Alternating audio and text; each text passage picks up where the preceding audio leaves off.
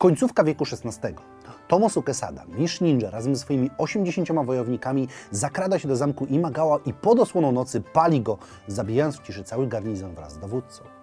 To jedna z najbardziej znanych historii o ninja, ale co naprawdę potrafili ci mityczni komandosi?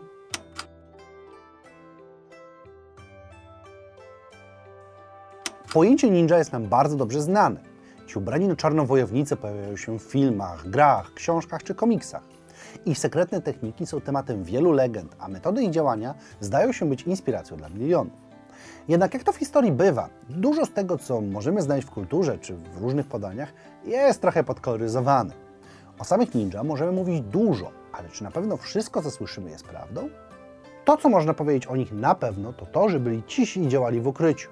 Ty jednak możesz doświadczyć tego samego, niekoniecznie obcując z Ninja, ale dzięki laptopowi Stealth GS77 od partnera dzisiejszego odcinka, firmy MSI, który oferuje niezwykłą wydajność zamkniętą w eleganckiej obudowie. Posiada on najnowszy hybrydowy procesor Intel Core i9 12 generacji, a także piekielnie mocną kartę graficzną GeForce RTX 3080 Ti, co czyni z niego naprawdę potężny sprzęt. Wszystko to jest chłodzone za pomocą systemu chłodzenia Cooler Boost 5, który zapewnia maksymalną wydajność połączoną z działaniem tak cichym jak bohater dzisiejszego odcinka, czyli Ninja. Wszystkie te podzespoły składają się na widowiskowe efekty, które obserwować możemy na 17-calowym wyświetlaczu IPS QHD z częstotliwością odświeżania 240 Hz. Laptop świetnie nadaje się do pracy, ale też i wymagających gier. Sprawdziłem to sam na moich ulubionych strategiach. Więcej informacji o tym sprzęcie znajdziecie w opisie, a my wracamy do odcinka. Poprawną nazwą, jaką powinniśmy używać przy mówieniu o ninja jest shinobi. Z japońskiego oznacza to by kraść albo ukrywać się lub nawet wytrzymywać. Nazwa ta od razu wskazuje nam, że byli to ludzie, którzy korzystali z technik mających ich ukrywać czy maskować. Nazwa ninja pochodzi z innego odczytu japońskich znaków, które układają się w słowo shinobi.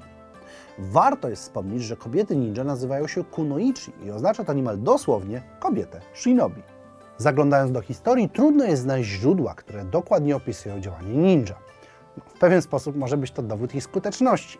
Niemniej jednak zachowały się różnego rodzaju podania, wiersze czy nawet przedstawienia, które uchylają rąbka tajemnicy. Duża część z nich dodaje dużo heroizmu do historii, ale także różnego rodzaju legend. Do tego japońska kultura, z której się wywodzą, ma dość specyficzny stosunek do tego, jak operowali. Działanie z ukrycia przy użyciu podstępu nie było czymś, co spotykało się z pełnym uznaniem. Dodatkowo ludzie woleli słuchać o samurajach z arystokracji i ich wielkich czynach, niż o działających w ukryciu anonimowych wojownikach. Niemniej jednak pierwsze wspomnienia o osobach, które parały się byciem shinobi, pochodzą już IV wieku. Opisują one przypadki zabójstw, które wykonywano poprzez wykorzystanie podstępu i przebierania się. Jednak samo słowo shinobi pojawiło się dopiero w XV wieku. Wtedy też zaczęto trenować ludzi, których zadaniem było wykorzystanie sztuki szpiegostwa. Prawdziwi ninja nie są jak ci z filmów z Bondem. No, nawiasem mówiąc, to właśnie te filmy, a dokładniej Żyje się tylko dwa razy, wprowadziło wizerunek ninja do naszej kultury. Jednak to obraz trochę wypaczony. Prawdziwi shinobi nie byli ubranymi na czarno wojownikami, którzy dzierżąc katany szturmowali zamki w nocy. Przede wszystkim byli to mistrzowie decepcji. Doniesienia z XV wieku stawiają ich raczej w szeregu ze szpiegami, podpalaczami, czy nawet terrorystami. Łamali oni bardzo dużo obyczajów. Nie bali się atakować od tyłu, podpalać budynków, czy przebierać się za osoby z niższych i wyższych klas. W tym samym okresie zaczęły się też wykształcać pewnego rodzaju struktury związane z ich działaniem. Powstawały rody ninja, w których można było wydzielić hierarchię. Na samym szczycie istnieli Johnny, zajmujący się reprezentowaniem grup i rekrutowaniem nowych ludzi. Niżej byli Chunin, którzy asystowali w pracy Joninów. Na samym dole znajdowali się Genin, którzy wykonywali wszystkie obowiązki związane z działaniem. A to przyjmowało różnego rodzaju kształt. Poprzez to, że shinobi pochodzili z niższych sfer, nie obowiązywały ich zasady honorowe, a przynajmniej nie stanowiły one filaru. Ninja mogli więc przebierać się za pracowników i pospólstwo i w ten sposób pozyskiwać informacje z regionu albo przygotowywać ataki. W dobrych rękach był to niezwykle cenny zasób. Na tyle cenny, że w 1581 roku główne rodziny zostały zniszczone przez daimyo Oda Nobunagę. Nie wymazało to jednak ninja z historii. Ich działania to chociażby sianie zamętu między dowódcami w 1614 roku. Nie ma jednoznacznych źródeł, które miałyby wskazywać na zbiór nauk ninja. Nie zbierali oni ich w zwojach. Również historia jest wypełniona raczej legendami, gdzie ninja testowani byli na przykład poprzez zadanie ukradnięcia poduszki spod głowy śpiącego daimyo. Do tego przypisywano im mityczne zdolności, jak niewidzialność, bieganie po wodzie czy teleportacja. Jest to jednak ugruntowane w tym, co robili. Techniki magii ognia, no po prostu wyjaśnienia dla pożarów, jakie wzniecali ninja. To, że potrafili wtopić się w tłum i niezauważanie przemykać pomiędzy domami, traktowane było jak niewidzialność. Co do strojów, które znamy, też miały one w sobie nutkę mityczności. Oczywiście ninja nie nosili tych czarnych kombinezonów, które znamy z filmów, bo nie chcieli być rozpoznawalni. Jednak czasem zdarzało się, że zakładali oni bardzo ciemne stroje, które kamuflowały ich i ukrywały fakt, że krwawią podczas ranienia. Jednak dużo częściej ninja wyglądał tak jak mnich albo zwyczajny żołnierz. Prawie każda sztuczka z ich arsenału, każda mityczna moc ma swoje odzwierciedlenie w zwyczajnych technikach i sprytnym używaniu narzędzi.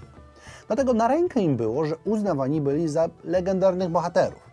Strach to bardzo silne narzędzie, jednak jeśli mamy opowiedzieć o tych faktycznych umiejętnościach ninja, to będą one nam dobrze znane.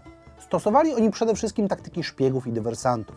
Byli sprawnymi dyplomatami i dobrymi aktorami. Umieli się przebierać i poruszać niezauważenie po ulicach miasta. Nie miało to jednak związku ze znikaniem, a raczej umiejętnością idealnego wtapiania się w tłum. Część z nich faktycznie potrafiła maskować siebie i swoją pozycję.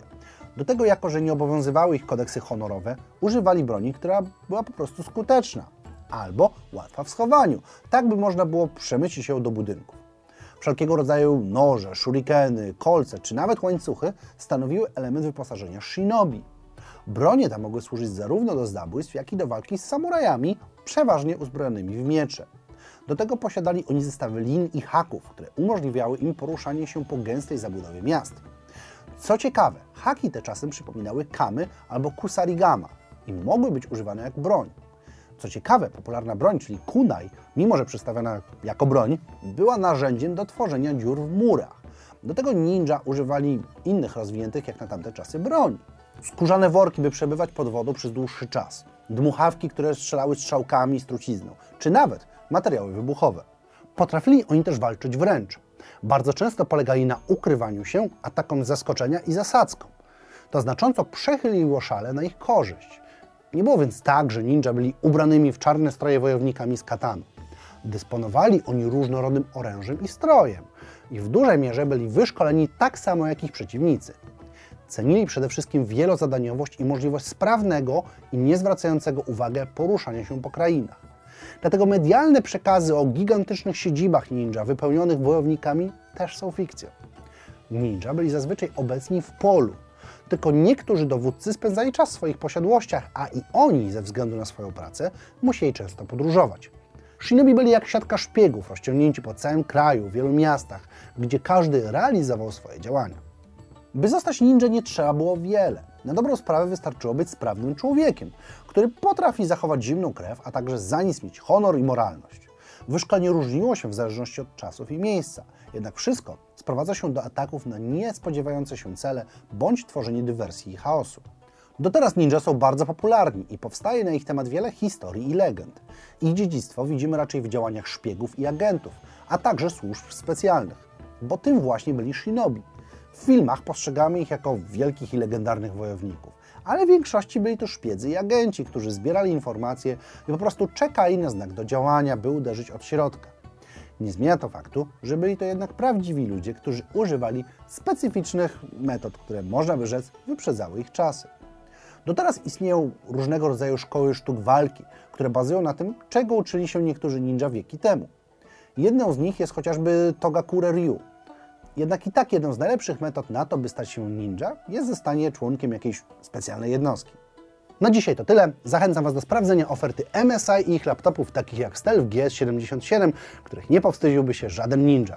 Wrzucam Wam też link do najnowszej promocji MSI, pierwsze starcie, w której przy zakupie notebooka możecie otrzymać plecak lub gift card na Steama. Linki do szczegółów znajdziecie w opisie. Do tego zapraszam, żebyście mogli zobaczyć TikToka, a my widzimy się w każdy piątek. Trzymajcie się ciepło. Cześć!